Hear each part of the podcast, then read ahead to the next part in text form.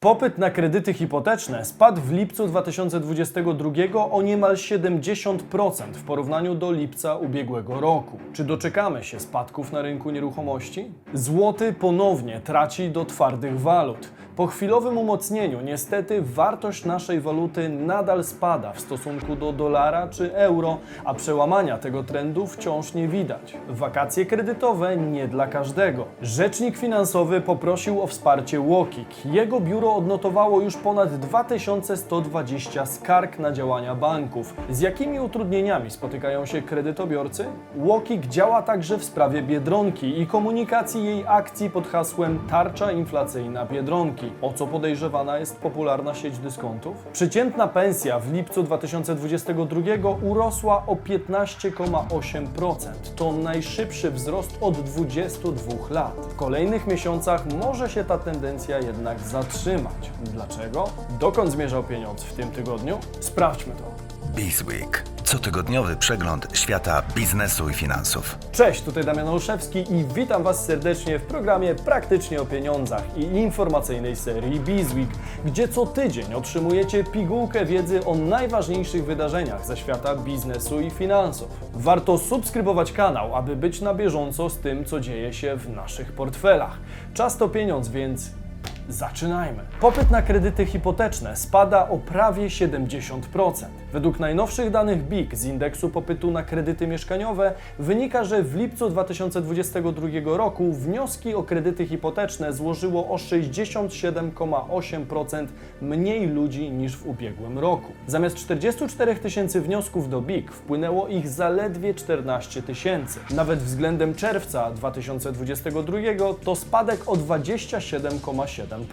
Zmalała także średnia kwota kredytu we wnioskach. To oznacza, że jako konsumenci kupujemy mniej mieszkań i szukamy mniejszych metraży. Obecny lipcowy odczyt indeksu jest już kolejnym potwierdzeniem bardzo dużego schłodzenia, a wręcz zamrożenia popytu na kredyty mieszkaniowe. Wartość indeksu jest ponownie najniższa w historii pomiaru, czyli od stycznia 2008 roku, a więc od 14 lat. Na lipcową wartość indeksu negatywnie wpływa mniejsza o prawie 70% niż przed rokiem liczba wnioskodawców. Jest ona na najniższym poziomie od stycznia 2007 roku, czyli od 15 lat, odkąd BIK analizuje liczbę wnioskodawców. Tak źle nie było jeszcze od początku zbierania tych danych przez BIK, mówi profesor Waldemar Rogowski, główny analityk Biura Informacji Kredytowej. Coraz więcej kredytobiorców interesuje się również kredytami ze stałą stopą oprocentowania. W niektórych bankach to nawet połowa wniosków, co w zeszłych latach zdarzało się niezmiernie rzadko. Jednak ostatni, dobry czas, w którym warto było brać taki kredyt, niestety już minął w latach 2020 i 2021.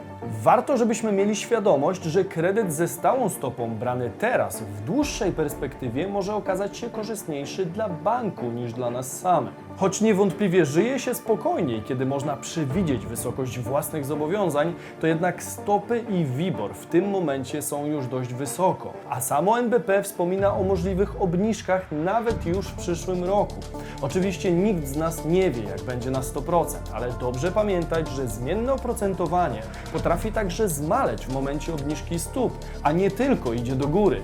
A decydując się na stałe oprocentowanie w niewłaściwym momencie, także można narazić się na stratę. Stratę wynikającą z tego, że w momencie obniżek stóp nasza rata nadal będzie stała. Mimo negatywnej koniunktury, deweloperzy nie chcą obniżać cen za nowe lokale.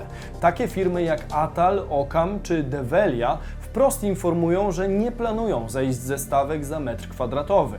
Wpływ na taką decyzję mają przede wszystkim wysokie koszty materiałów, robocizny i działek dotyczące kolejnych i finalizowanych inwestycji oraz klienci, którzy płacą gotówką, m.in. imigranci z Ukrainy. W końcu jednak moment obniżki cen może się pojawić, mimo sprytnych zagrań ze strony deweloperów, którzy drastycznie obniżyli podaż mieszkań na rynku. Kiedy ceny mieszkań zaczną spadać? Ten moment w ujęciu realnym miał już miejsce jakiś czas temu, bo uwzględniając inflację, obecne wyhamowanie wzrostu cen nie odrobi strat z nią związanych. Eksperci PKO BP sugerują, że początek trendu spadkowego może nastąpić już w drugiej połowie 2022 roku, a serię obniżek obniżek mają trwać około dwóch lat. Oceniamy, że w drugiej połowie roku ceny transakcyjne mieszkań zaczną stopniowo spadać. Prognozowany spadek cen wynika głównie ze znacznie obniżonego popytu wskutek wzrostu stóp procentowych i zaostrzenia polityki kredytowej w efekcie rekomendacji KNF dla banków. Według prognoz wraz ze spadkiem popytu w kolejnych 2-3 latach ma spaść również podaż mieszkań na rynku. Rentowność projektów spadnie, a co za tym idzie, deweloperzy mogą podjąć decyzję o wstrzymaniu nowych inwestycji. To jednak tylko jeden z możliwych scenariuszy, bo istnieje także taki, w którym deweloperom uda się powstrzymać spadki, a rynek wtórny również zachowa zimną krew, mimo znaczącego spadku popytu ze strony klientów. Chciałbym, żebyście wiedzieli, że taki scenariusz również nie jest wykluczony. Duże znaczenie w tym przypadku ma stare dobre prawo popytu i podaży. Popyt owszem znacząco się osłabił, ale wraz z nim spadła również podaż kontrolowana w dużej mierze przez deweloperów. Z mojej analizy kondycji spółek deweloperskich wynika, że żaden z większych graczy raczej nie upadnie w wyniku słabnącego obecnie popytu i chwilowo niższej sprzedaży. Raczej więc nie doczekamy się rozwiązania worka z ofertami, które obecnie chowane są do szuflady lub po prostu wynajmowane, korzystając ze złotego czasu dla najmu. O tym zresztą wspomniałem niedawno na Instagramie, pokazując jak bardzo zmieniły się koszty najmu od czasu wybuchu wojny. Złoty po umocnieniu znowu mocno traci na wartości. We wcześniejszym tygodniu złoty zaczął umacniać swoją pozycję względem twardych walut. Nasza waluta odrobiła wtedy całkiem spory dystans w relacji do dolara czy euro. Niektórzy liczyli na przełamanie dotychczasowego trendu dla złotego, jednak tak się nie stało. W pierwszych tygodniach wojny mieliśmy do czynienia z nagłym wzrostem wartości walut obcych, które było spowodowane masową wyprzedażą polskiego złotego. Jednak dwa tygodnie temu złoty sporo zyskał. Był moment, w którym dolar był już w okolicach 4,54, podczas gdy jeszcze miesiąc temu był to poziom ponad 4,80. Podobnie sprawa miała się w relacji do euro, które również osłabiło się wtedy wobec złotego do poziomu 4,66. Wpływ na to miał m.in. odczyt inflacji w USA, który pozytywnie zaskoczył rynek. Wspominałem o tym tydzień temu. Ponadto obserwujemy lekką stabilizację na świecie, a także to, że wojna, widmo recesji oraz inne negatywne zdarzenia są już niejako w cenach. To znaczy, że rynek wziął już je pod uwagę, wyceniając poszczególne waluty czy też instrumenty giełdowe.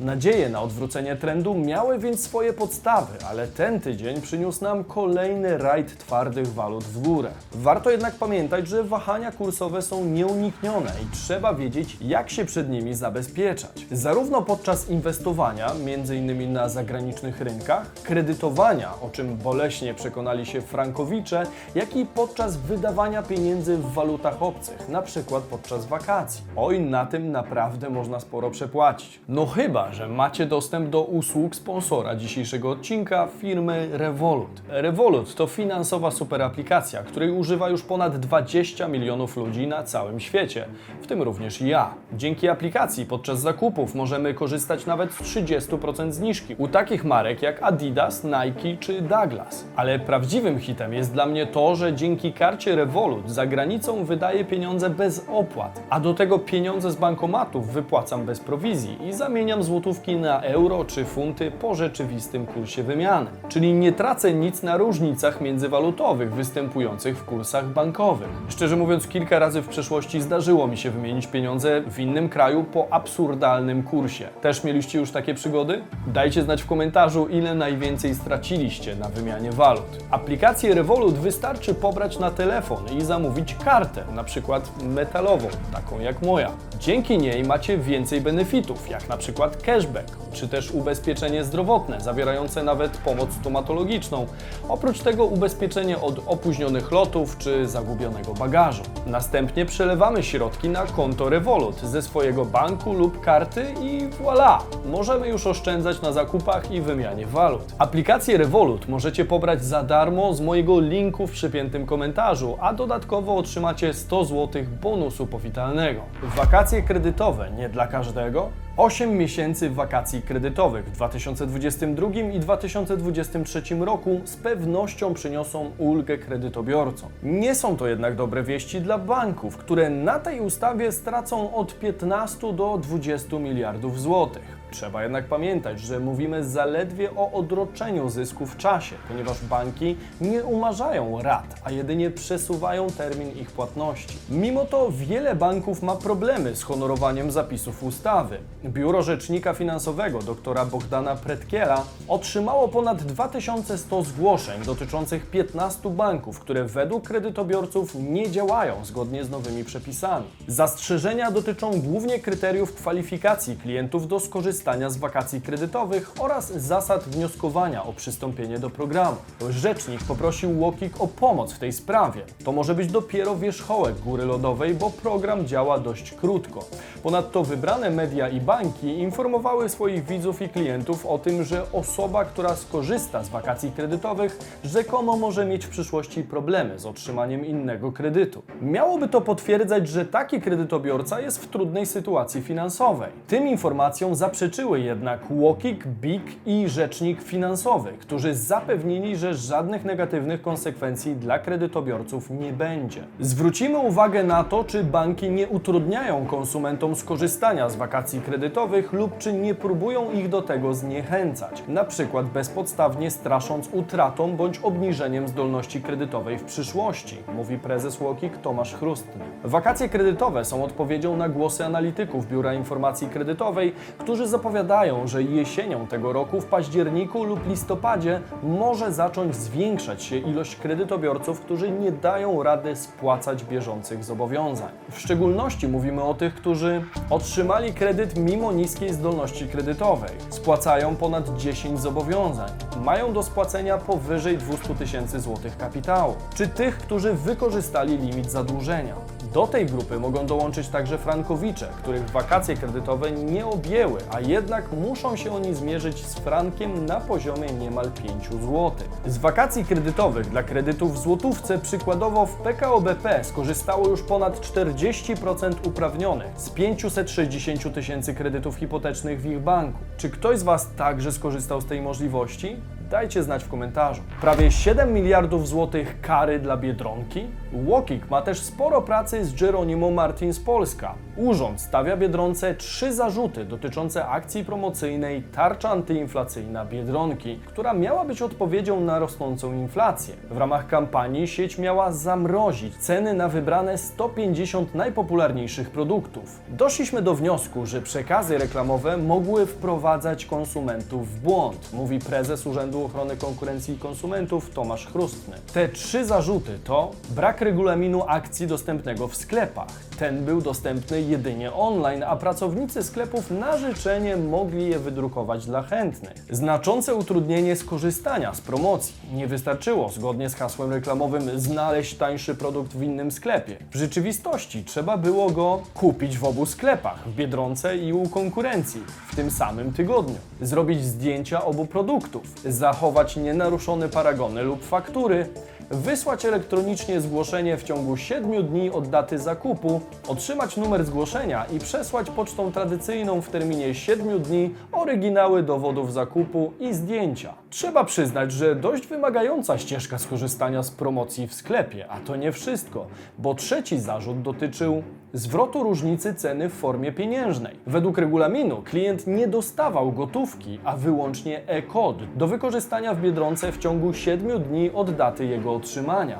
Akcja marketingowa była głośna i wyrazista, jednak schemat działania sieci sklepów nie przypomina ukłonu w stronę portfeli klientów. Jeśli te zarzuty się potwierdzą, Biedronka może otrzymać karę w maksymalnej wysokości nawet 10% ich rocznych przychodów, czyli blisko 6,8 miliarda złotych. Dla sieci generującej blisko 70 miliardów złotych rocznego przychodu to byłby niezwykle bolesny cios. Jednak źródeł i form zarabiania w Biedronce jest naprawdę sporo. Mogę zrobić odcinek na temat tego, na czym dokładnie zarabia Biedronka i jak uzyskała tak znaczącą przewagę nad konkurencją. Dajcie znać w komentarzu, jeżeli chcielibyście go zobaczyć. Płace w Polsce wciąż rosną. Ile to jeszcze potrwa? 6778 zł i 63 grosze brutto. Tyle wyniosło średnie wynagrodzenie w lipcu 2022 roku i było o 15,8% wyższe niż rok temu. To nowy nominalny rekord i najwyższy wzrost od 22 lat. Równolegle oficjalny odczyt inflacji w tym okresie wyniósł 15,6%, więc mamy niespecjalnie dobre otoczenie do tego, aby cieszyć się z nowego rekordu. Co ważne jednak, mimo spowolnienia gospodarki, rynek pracy wciąż jest w dobrej kondycji, a eksperci Banku Millennium nie przewidują wzrostu bezrobocia. W rezultacie, w warunkach wysokiej inflacji oraz rekordowo niskiego bezrobocia,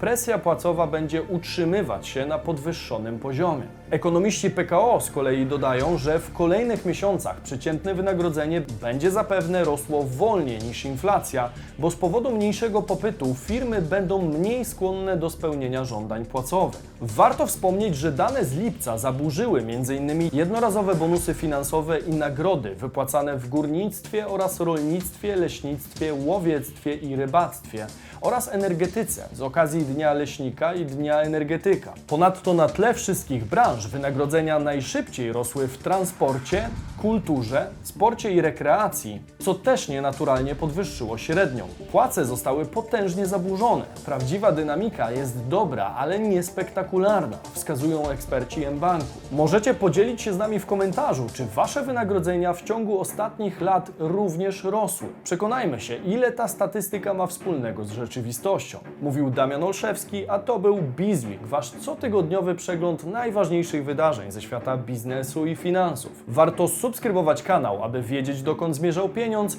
Zostawcie również hashtag Bizweek w komentarzu, jeśli doceniacie moją pracę i oglądacie odcinki od początku do końca, tak aby niczego nie przegapić. Do zobaczenia w sobotę i niedzielę o 15. Cześć!